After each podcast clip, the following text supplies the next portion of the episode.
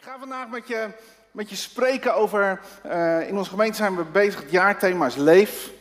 En ik ga spreken over het thema Je zal maar Lazarus zijn. Ik heb het niet over gisteravond.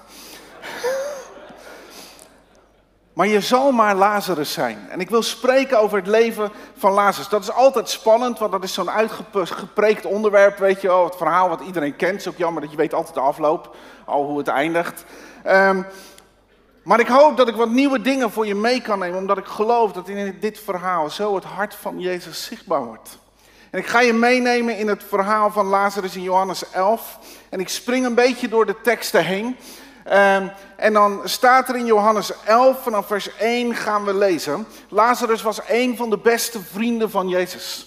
Het was iemand waar Jezus kwam, waar hij zich thuis voelde, waar close contact was. Heel veel mensen zagen Jezus als de prediker, eh, degene die de verhalen vertelde, maar voor Lazarus was Jezus een vriend. Die bij hem thuis kwam, met wie hij deelde, bij, bij wie Jezus op de bank zat, als ze een bank hadden in die tijd. Maar bij wie Jezus even helemaal gewoon rustig was, zich, zich kon delen. Dus er was heel close, intiem contact, ze waren betrokken bij elkaar. En dan staat er in Johannes 11 vanaf vers 1, en er was iemand ziek, Lazarus van Bethany, uit het dorp van Maria en haar zuster Martha. Maria nu was het die de Heer gezalfd had met mirre en zijn voeten afgedroogd heeft met haar haren. En haar broer Lazarus was ziek. Zijn zusters dan stuurden hem een boodschap. Heren, zie, hij die u lief hebt. Ze doen ook een appel op de relatie. Hij die u lief hebt, met wie u close bent, van wie u houdt. Hij is ziek. Vers 6. Toen hij dan gehoord had dat hij ziek was, bleef hij nog twee dagen in de plaats waar hij was. Vers 17. Toen Jezus dan gekomen was, bleek dat hij al vier dagen in het graf lag. En het wordt cru als je de, tussen, de, de tekst ertussen uithaalt. Dan, dan gebeurt er iets. De Bijbel zegt aan de ene kant, zoek mij en leef. En deze zussen zoeken hem. Ze zoeken Jezus. Maar in dit geval lijkt het resultaat niet te zijn, zoek mij en leef.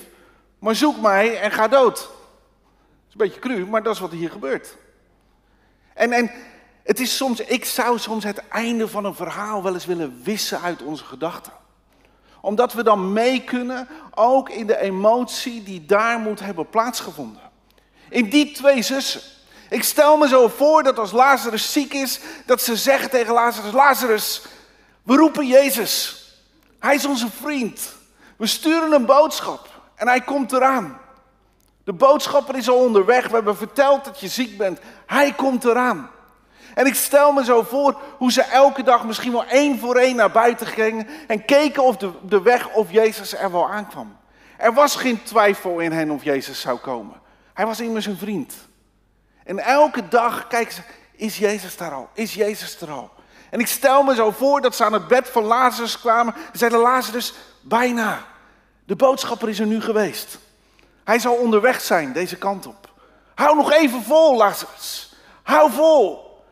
Laat de dood je nog niet pakken, maar hou vol, want Jezus is overweg, onderweg. En terwijl de tijd verstrijkt, worden de stemmen misschien wel zwakker. En zakt de hoop als ze over de weg kijken en Jezus niet komt. Jezus er niet blijkt te zijn. Tegelijkertijd vind ik het ook best lastig dat er die tekst staat dat Jezus hoort dat Lazarus ziek was. En dan staat er eigenlijk niet zo pastoraal verantwoord. En Jezus bleef nog twee dagen op de plek waar hij was. Hoe moet dat ook geweest zijn voor zijn discipelen die wisten hoe close hij was met Lazarus? Dat, eh, gaan we nog niet, Jezus? Lazarus, hè? Niet iemand die we niet kennen. Lazarus is ziek. Moeten we niet de spullen in gaan pakken? Hij bleef nog twee dagen op de plek waar hij was. Dit is meestal niet wat we uitlichten uit deze verhalen, maar het is soms wel de praktijk van vandaag. Wat we ervaren in ons leven. Dat we aan de ene kant ons vasthouden aan die tekst, zoek mij en leef, maar het soms ook lastig is dat je, dat je denkt, ik kijk over die weg, maar Jezus, waar bent u dan? Waarom, waarom gebeurt het niet? Weet u wat Lazarus betekent? Lazarus komt van het Hebreeuwse Eleazar en dat betekent God is mijn hulp. Of het betekent degene die door God geholpen wordt. Nou, Lazarus even niet. Hij had de naam, hij had de belofte. En als je puur op dat moment van het verhaal kijkt, lijkt het alsof de, de naam alleen maar een, een, een vergezicht is, maar geen realiteit. Weet je wat Bethany betekent? Huis van ellende. Lekker als je plaats zo heet, kun je beter in Zwijnerig wonen. dat, dus, waar woon jij? Nou, ik woon in het huis van ellende. Lazarus, de God die mij helpt, woont in het huis van ellende als Jezus ergens het verschil kon maken. Was het daar. En het lijkt alsof het getuigenis van Lazarus, de God die mij helpt, ineen krimpt en eigenlijk ondersneeuwt in het huis van ellende. En dit is soms ook wat er in onze levens gebeurt. Begrijpt u altijd alles wat er gebeurt?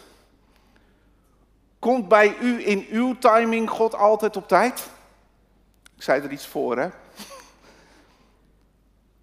En soms roept dat vragen op. En soms lukt het om het geloof vast te houden. En soms lijkt het geloof ook wel eens even weg te zakken. Bij u niet, maar ik herken dat wel. Soms in mijn leven. En is het lastig om het vast te houden. En juist tijdens, ik denk dat Lazarus gedacht moet hebben, op het moment dat ik u het meeste nodig heb, lijkt u er niet te zijn. Lijkt u eigenlijk ver weg te zijn op een andere plek. Wat fijn trouwens dat de prediking hier niet eindigt. Waar was Jezus toen hij ziek was? En er is iets lastigs wat we vaak, ik zeg hem voorzichtig, want het is een zin die vaak zo goedkoop gezegd is. Maar soms wordt Gods glorie in een andere timing geopenbaard dan onze timing. En soms is het probleem dat wij nog niet mee kunnen kijken in Gods timing en Gods hart, waardoor we zien dat iets niet gebeurt en daarom alle hoop verliezen. Omdat de realiteit van wat we met onze ogen zien soms groter is dan hoe wij het hart van God zien. Het hart van God begrijpen. En soms hebben we daardoor ook maar gezegd, dan geloof ik maar dat het niet meer gebeurt. Dus we gooien het kind met het badwater weg. Want waarom doen we dat? Dan besparen we onszelf pijn. We besparen onszelf teleurstelling, denk ik. Ik denk dat we onszelf de glorie van God ontzeggen. Op dat moment. Maar dat is makkelijker gezegd dan gedaan. Moet ik heel eerlijk zeggen. Ons leven. Dus dit, nogmaals, ik bedoel deze zin niet goedkoop. Hij is soms te goedkoop gegeven. Er staat dat Lazarus vier dagen in het graf is. Ergens in de traditie heb ik gelezen dat zo met drie dagen was er nog enige hoop, maar na vier dagen was het toch echt wel zeker dat, dat, het over was. En eigenlijk, Jezus wacht totdat er geen enkele menselijke hoop meer is. Dat niemand ooit meer zou kunnen zeggen, ja maar, hij, hij sliep gewoon nog een beetje. Jezus wacht, totdat, wacht soms in ons leven tot elke menselijke hoop eigenlijk weg is en we het niet meer kunnen. En dat is soms pas het moment dat hij instapt. Vier dagen in het graf, de hoop is weg.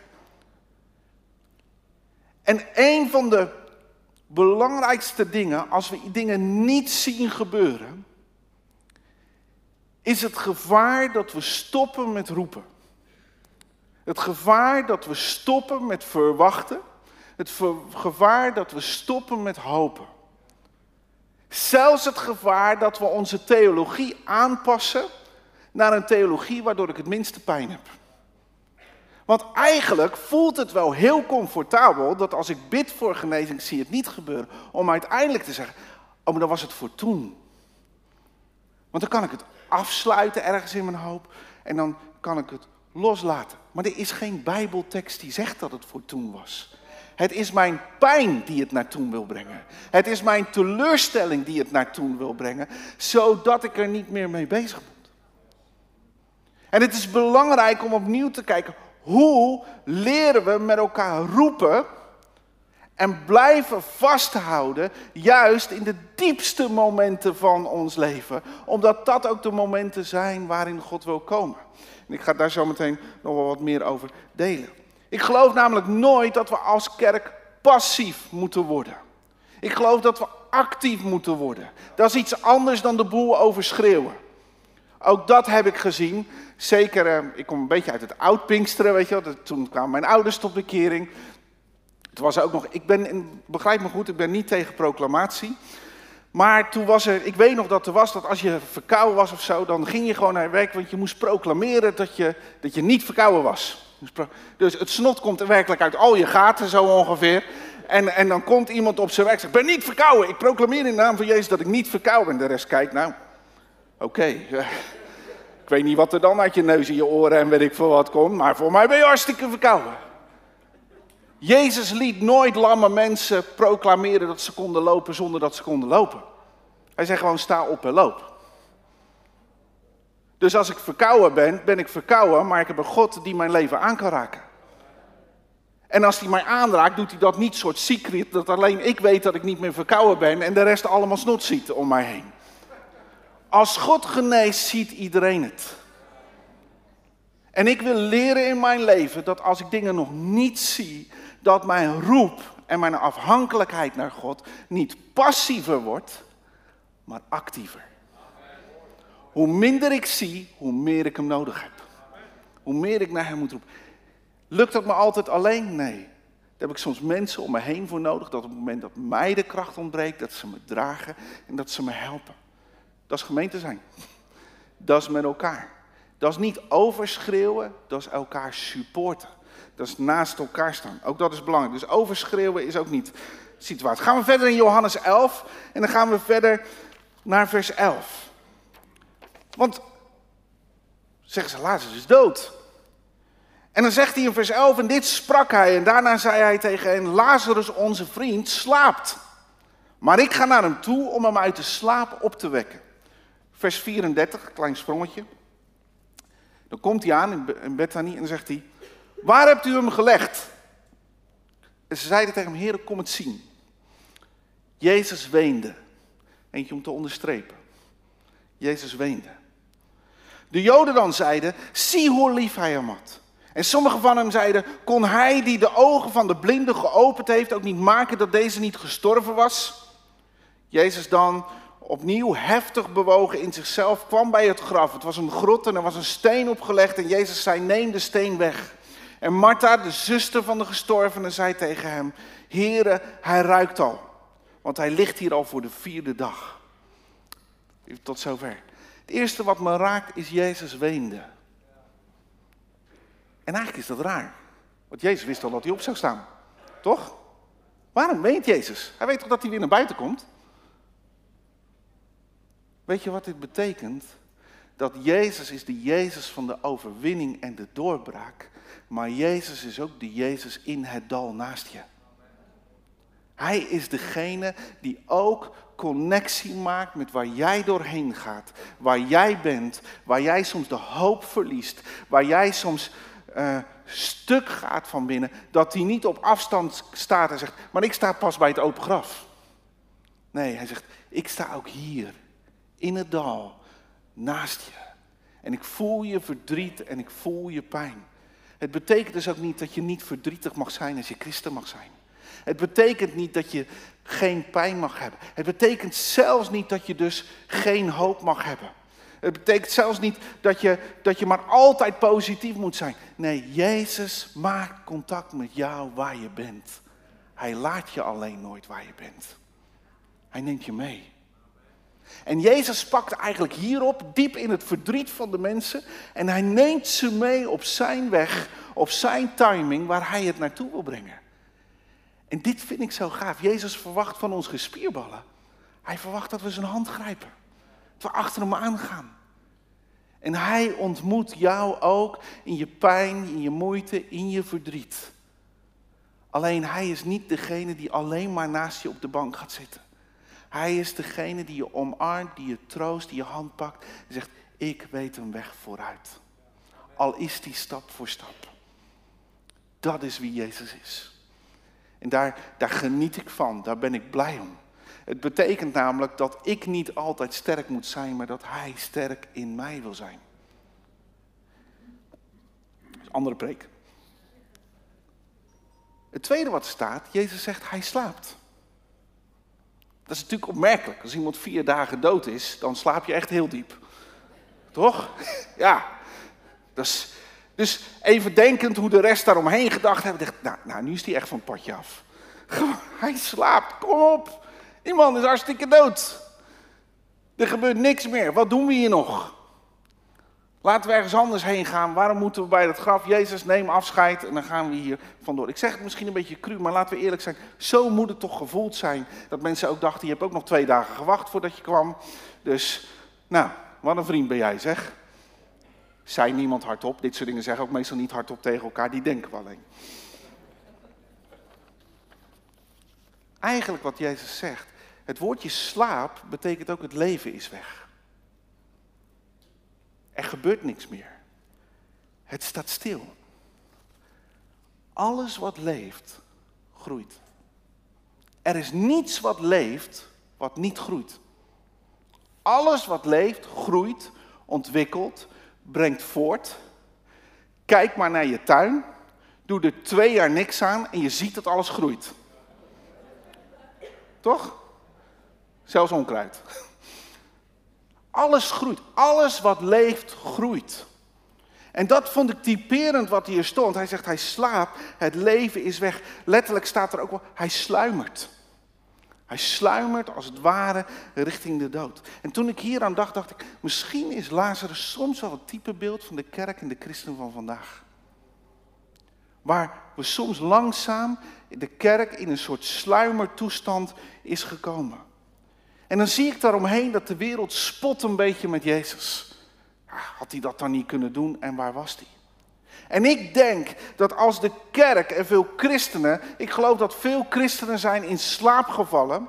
Soms is de kerk in slaap gevallen. En doordat de kerk in slaap gevallen, zijn we in plaats van de kop, zijn we vaak in de maatschappij de staart geworden. Waarom gelachen wordt. Ach, die mensen gaan nog met elkaar, vinden ze fijn, ervaren ze een beetje steun aan, hebben ze het goed met elkaar. En dat is vaak het beeld van de kerk. En het is het beeld wat soms mijn leerlingen op school hebben van de kerk. En dan mag je niks. Ik heb dat ooit hier ook wel in een preek maar ik had ooit een leerling die tegen me zei, uh, hadden we het over geloof bij de opening. En zei, meneer, ik denk dat ik op mijn dertigste voor het geloof ga. Ik zeg, oké. Ik zeg, waarom dan? Hij zegt, ja meneer, als je gaat geloven is je leven over. Dan mag je niks meer. Dus voor alle mensen rond de 30. In de ogen van mijn leerlingen is jouw leven over. Dan is er niks meer te bereiken, et cetera. Maar toen dacht ik, hebben wij niet de mooiste boodschap van leven die er is? Dat het leven begint als je Jezus vindt. Maar dan moet het eerst in ons te zien zijn en in de kerk. En dat we mensen jaloers maken. En dat, dat drijft mij, dat drijft ons voor Gods kerk, Gods gemeente. Dat, dat de kracht in Gods gemeente opnieuw zichtbaar gaat worden. Weet je, als de kracht van God zichtbaar geworden is er niets meer om mee te spotten. Dan buigen mensen voor de kracht en de glorie van God. En ik weet niet hoe het met u is, maar ik wil geen genoegen nemen met waar we nu zijn. Ik heb het best goed, hè? In mijn kerk, in mijn relatie met God. In, en u heeft het ook goed. Maar het zou verkeerd zijn als we genoegen nemen met waar we nu zijn. Dan sluimeren we en slapen we en hebben we het wel lekker met elkaar. Want we hebben, ik heb genoten van de aanbieding. Dan heb ik het lekker met elkaar. Dan denk ik, zo, er zijn nog een hoop mensen zwijnig die dit mee moeten maken. Toch? En dat is de honger en het verlangen dat ik denk, als kerk dat we opnieuw opstaan. Alles wat leeft, groeit. Letterlijk zegt ze dan, moet de grot niet open doen, want hij ruikt al. Bedoelt ze niet naar bloemetjes. Dan bedoelt ze dat de rottingsgeur eigenlijk al te ruiken is. Dat het geen frisse geur is. Maar wat zegt de Bijbel over jou en mij? Dat wij, wat moeten wij verspreiden uiteindelijk? De geur van Christus. En de geur van Christus is volgens mij de geur van redding, bevrijding, genezing, vrede, vreugde, blijdschap, et cetera, et cetera. En we hebben dat. Ik proef dat vanmorgen als we hier met elkaar aanbidden. We hebben dat in ons. Maar geloof ook dat God het als een fontein wil maken. Mensen, ik heb daar verwachting voor. Ik heb daar verwachting voor. Dat God daarin opnieuw iets wil gaan doen. Hij wil een geur ten leven brengen. Een uh, verhaal, ik heb, uh, noem geen namen, dus niemand kan plaatsen. Maar ik heb ook een counselingsbureau. En ik doe mijn gesprekken bij ons in de, uh, in de, in de gemeente. In ons heb ik een gespreksruimte.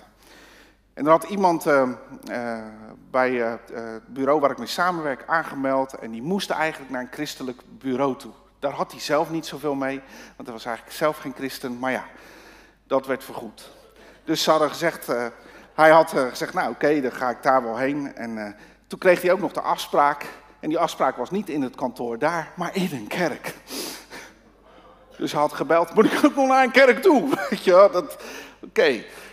Dus ze had gezegd, ga een keer. En hij kwam binnen en hij zegt, wat is dit? Ik heb hier niks mee. Ik zeg, je baalt echt hè, dat je hier bent. Dat is een heerlijke openingszin voor een counselinggesprek. Je baalt dat je hier bent. En, uh, en we hadden eigenlijk zo'n mooi gesprek. En ineens kwamen er ook vragen, wat doen jullie eigenlijk hier? Wat is dit voor iets? En wow, en dan ineens kun je wat delen. Laten we met elkaar de geur van Christus, laten we die uh, verspreiden. Ik had een, uh, volgens mij, dat, nee, want het is korter geleden, niet hier verteld. Dat, maar ik had een paar maanden geleden, ik, had een, een, meisje met wie ik gesprekken had op school. En ineens had ik op mijn hart dat ik zei, dat ik dacht, ik moet haar moeder een boek geven. Dat is raar hè. Dat, dat doe je meestal niet zo, maar dat je dan aan de moeder van een leerling iets gaat geven. Je weet nooit hoe dat valt. Dat, ja, toch? Ja.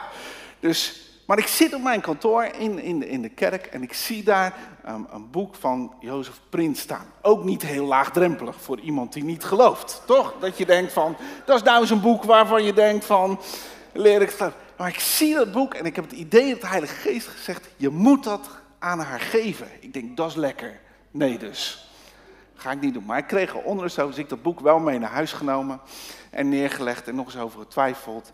En uiteindelijk dacht ik, ik ga het maar doen. Dus ik heb een briefje erbij geschreven. Zeg, ik weet niet waarom, ik ben christen. Maar ik geloof dat ik dit boek gewoon moet geven. En dat ik u daarmee moet zegenen. En uh, als u niks vindt, gooi het weg. Maar anders, ik geef maar gewoon. Dus dat meisje komt bij mij op gesprek. Ik zeg, ik heb een cadeau voor je moeder.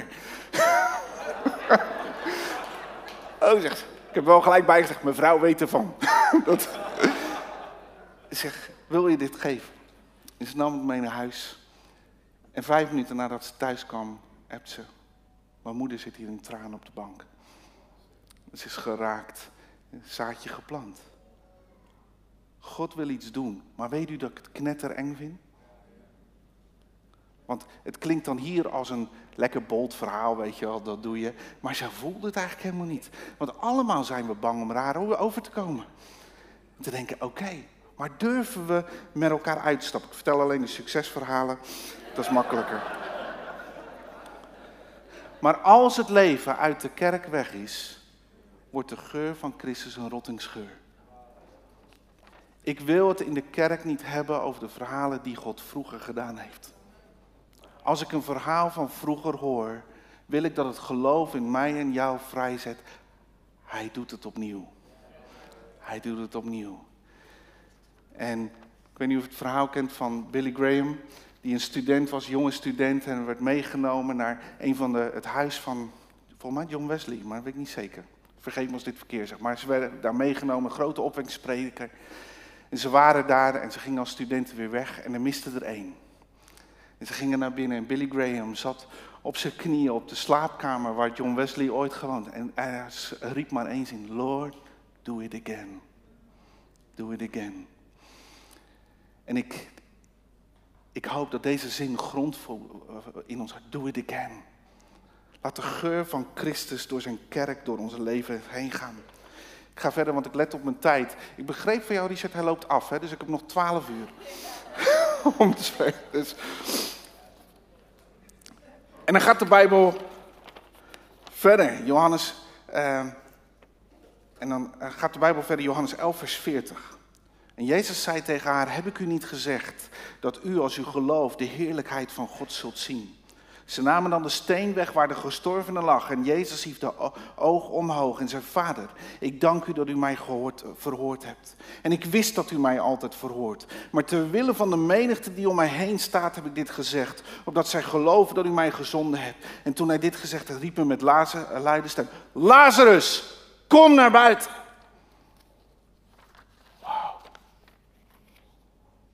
De stem van Jezus brengt leven. Als wij iets nodig hebben vandaag, is het dat de stem van Jezus gaat klinken als op die dag.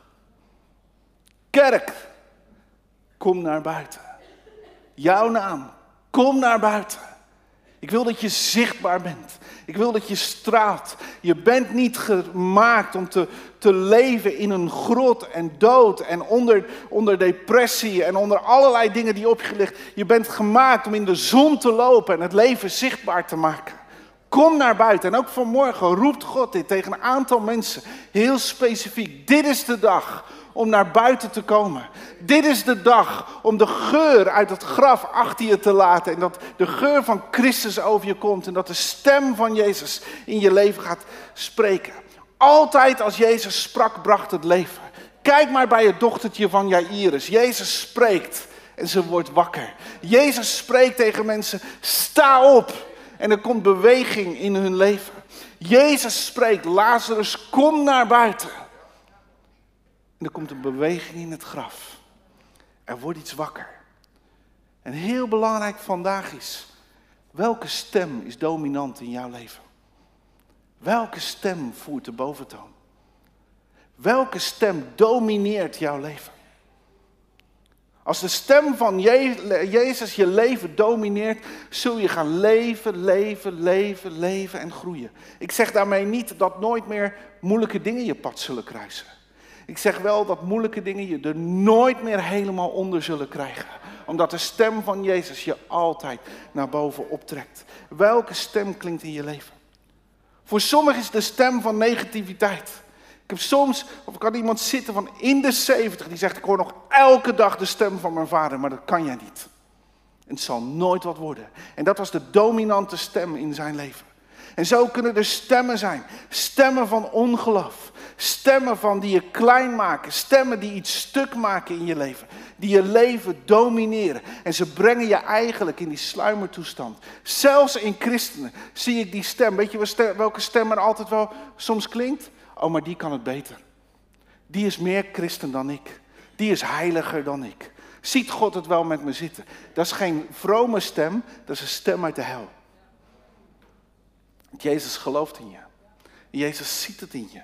En Jezus roept je naar buiten. Welke stem klinkt in je leven? Soms is het de stem van ontmoediging die kan klinken in je leven. En je komt er niet mee in de zon, maar je komt er eigenlijk mee in de grot. Waar er niet meer uit je leven komt wat er uit je leven zou moeten komen. En zo belangrijk is dat we ons opnieuw gaan verbinden met de stem van Jezus. Is het daarom waarom Jezus zei, mijn woord moet in je zijn? Dat is niet alleen maar je hoofdstukje lezen.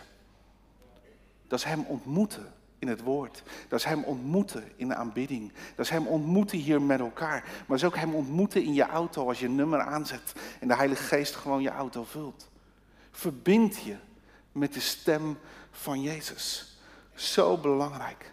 Zodat je niet ontmoedigd wordt. En we hebben dat zelf ook gemerkt. Velen van u weten dat mijn jaren terug een hersenbloeding heeft gehad. Dus ze was uh, blind aan haar ogen. En ik weet nog dat we terugreden of dat we naar het ziekenhuis waren geweest. En dat die, uh, we waren bijna op een, op een jaar. En uh, nou, één oog zat eigenlijk nog helemaal dicht. Die zat altijd dicht, een soort piratenoog was dat hadden we ook zo'n lapje gemaakt met Sinterklaas. Dus wilden we solidair zijn, hadden we allemaal een piratenlapje in ons gezin. Dat is echt leuk gewoon. Ja, dat, dat, hebben we om gelachen. Dat, um, maar oké, dat was het verhaal niet. Um, we, we, waren op het ziekenhuis en die arts zei, we zijn op een jaar en er zal geen verbetering meer komen. Dit is wat het is. Want uh, binnen een jaar kan er nog verbetering komen en daarna niet. Dat is een woord wat geplant wordt. En ik weet nog precies waar we reden. We reden op de Erasmusbrug. En ik had een heel ander gevoel toen ik dat hoorde. Dat ik dacht, dit is niet waar. Dit is niet Gods woord. Maar dat is makkelijk als je twee goede ogen hebt. Weet je, om dat te zeggen zo, nou ik geloof dat het niet waar is hoor en dat God het doet. Dat is nogal goedkoop. Dus ik was iets voorzichtiger. Ik zei, Goh, wat denk jij van wat die man zei vandaag? En ze zei, ik denk dat mijn oog weer open gaat. Ik denk dat dat weer terug gaat komen. Ik zei, ik ook. En we hebben samen gezegd, wij willen niet dat deze stem dominant is. We hebben gezegd, God, we weten niet hoe, we weten niet wanneer. Het was ook niet dat instant op de Erasmusbrug ineens de ogen open ging. Dat, maar we zeiden, God, we willen ons vasthouden aan uw stem. Na een aantal weken begon die langzaam zo te knipperen. Heel klein beetje beweging en uiteindelijk ging die gewoon open. Ze rijdt weer auto, ze werkt weer. Maar het heeft wel te maken, ik, ik voelde ook dat je op dat moment een keus hebt welke stem je dominant laat zijn in je leven. Mensen hebben wel eens tegen haar gezegd, je moet je af laten keuren, want dat lukt niet meer. En een van de dingen die je zei, dat geloof ik niet. Welke stem is dominant in je leven? Ik geloof dat God ook gaat herstellen in dingen. De weg was dan niet altijd makkelijk, dus begrijp me goed. Het is geen goedkoop woord van en toen ging alles goed en de hemel ging open en alle kracht was er en alle glorie was er. Dat kan, maar het was op dat moment zo. Het was een weg om in te lopen, maar toch welke stem is dominant in ons leven? En zo belangrijk is dat we de naam van Jezus spreken. Toen ik hier net aankwam, dacht ik, na mijn prediking wil ik eigenlijk heel graag zingen.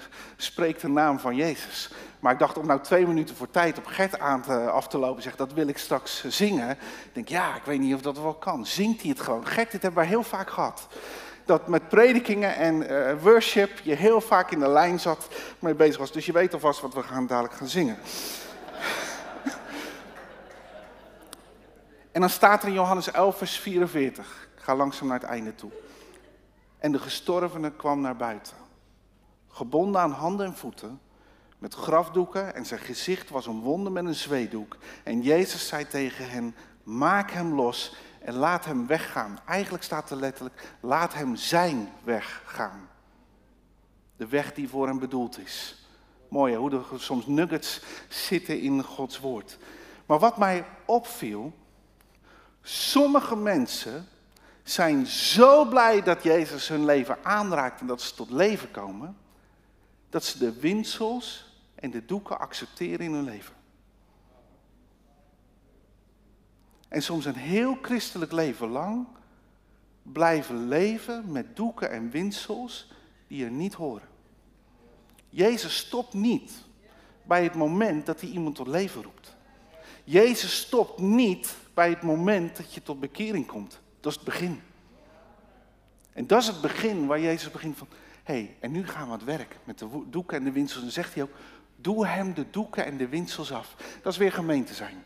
Waar je dus soms aan elkaar gegeven bent om te discipelen, om te groeien en eigenlijk echt in vrijheid te komen. Want zijn die doeken en die winsels een soort, soort mummy, hè? de mummy returns, zo'n uh, idee. Zo moet hij naar buiten gekomen zijn, zo'n idee. Dat is die lekker lopen. Dan wordt je beweging beperkt. En wat zie ik vandaag de dag? Dat de duivel soms niet kan voorkomen dat we gered zijn, maar wel probeert je beweging te beperken. En te zorgen dat je niet uit kan stappen. En een van de dingen waar ik dat zie in zie is in drukte. Kent u het verhaal van Farao? Dat op het moment dat Mozes leven begint te spreken in het volk, dat hij zegt: hé, maar God heeft een beloofd land voor ons. Mozes spreekt richting het leven. En wat zegt Farao? Laat ze dubbele aantal stenen maken. Dan hebben ze geen tijd meer om naar hem te luisteren. En ik geloof dat God dingen in jou en mijn leven wil doen en spreken. En wat laat de vijand gebeuren? Dat in je leven gewoon de druk toeneemt als het over werk gaat, als het over dingen gaat. En dat je leven vol zit met allerlei dingen. En dat we niet doorhebben dat het soms windsels zijn die ervoor zorgen dat we geen tijd meer hebben om in het koninkrijk van God met elkaar te functioneren. Ik hoor dat in kerken, ik hoop dat bij jullie niet zo is, maar dat het soms moeilijker is om op de avonden nog mensen bij elkaar te krijgen. Dat heeft voor mij hiermee te maken. Dat we soms ons leven door de vijand zo volgeduwd wordt, dat soms het koninkrijk van God er niet meer bij past. En gaan we doorzien dat dit winsels zijn. Ik verlang naar mensen die ambitie hebben in het koninkrijk van God. Niet ambitie naar positie, dat is iets anders, maar ambitie hebben om het koninkrijk van God door te laten breken. Daarvoor te gaan.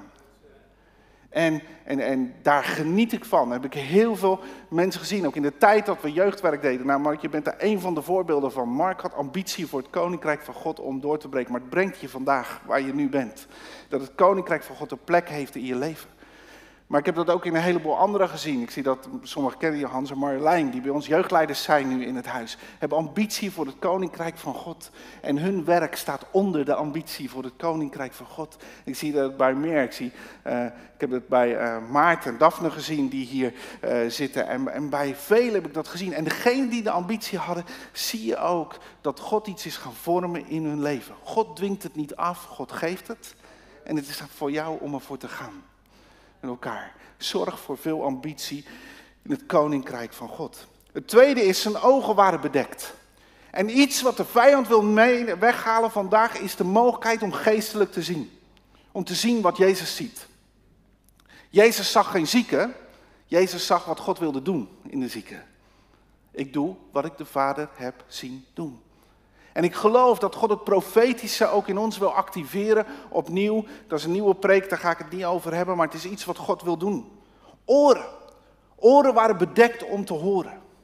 Als we iets nodig hebben vandaag is dat we de stem van God opnieuw gaan horen in ons dagelijks leven om uit te reiken en niet te leven alleen maar droog, maar te leven zodat we Gods stem horen en ervaren in ons leven. En Jezus zegt maak hem los, maak hem los.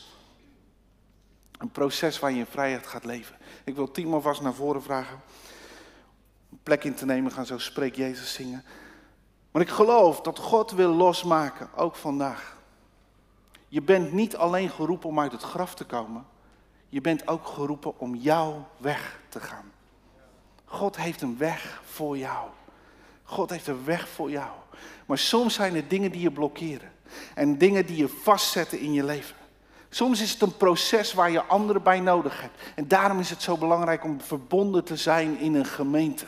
Daar deel van te zijn. Voor elkaar te bidden. Voor elkaar te bemoedigen. Ik hoop dat iedereen hier in het slotlied straks denkt: Heilige Geest, wat wilt u waar ik een ander mee bemoedig zometeen bij de koffie? En dat we woorden van God beginnen te spreken gewoon in elkaar. En dat je daar loopt en zegt: Joh, ik heb een woord voor je. Ik wil je daarmee bemoedigen. Man, dan ga je toch vliegen naar huis? Niet? En ik denk: Wow, dat is gaaf. En als we dat allemaal doen, gaan we allemaal vliegen naar huis. Red Bull geeft. Nee, dat is niet goed. maar, maar ik geloof hierin. En ik geloof dat God dingen wel los wil maken vandaag. Bij sommige mensen staat Jezus op dit moment buiten. Sommigen zijn misschien op sommige gebieden van hun leven al vier dagen in het graf. Dingen waar je geen geloof meer voor hebt. Dingen waar je de hoop soms verloren bent. Waar Jezus niet de stap achteruit doet, maar met je weent. En naar je toestapt. Zegt, waar jij de hoop niet hebt, heb ik hem. Waar jij de kracht niet hebt, heb ik hem. Verbind je aan mijn stem. Misschien wel familie waar je al jaren voor bidt. Of ziekte waar je al jaren voor bidt. Jezus staat buiten vandaag.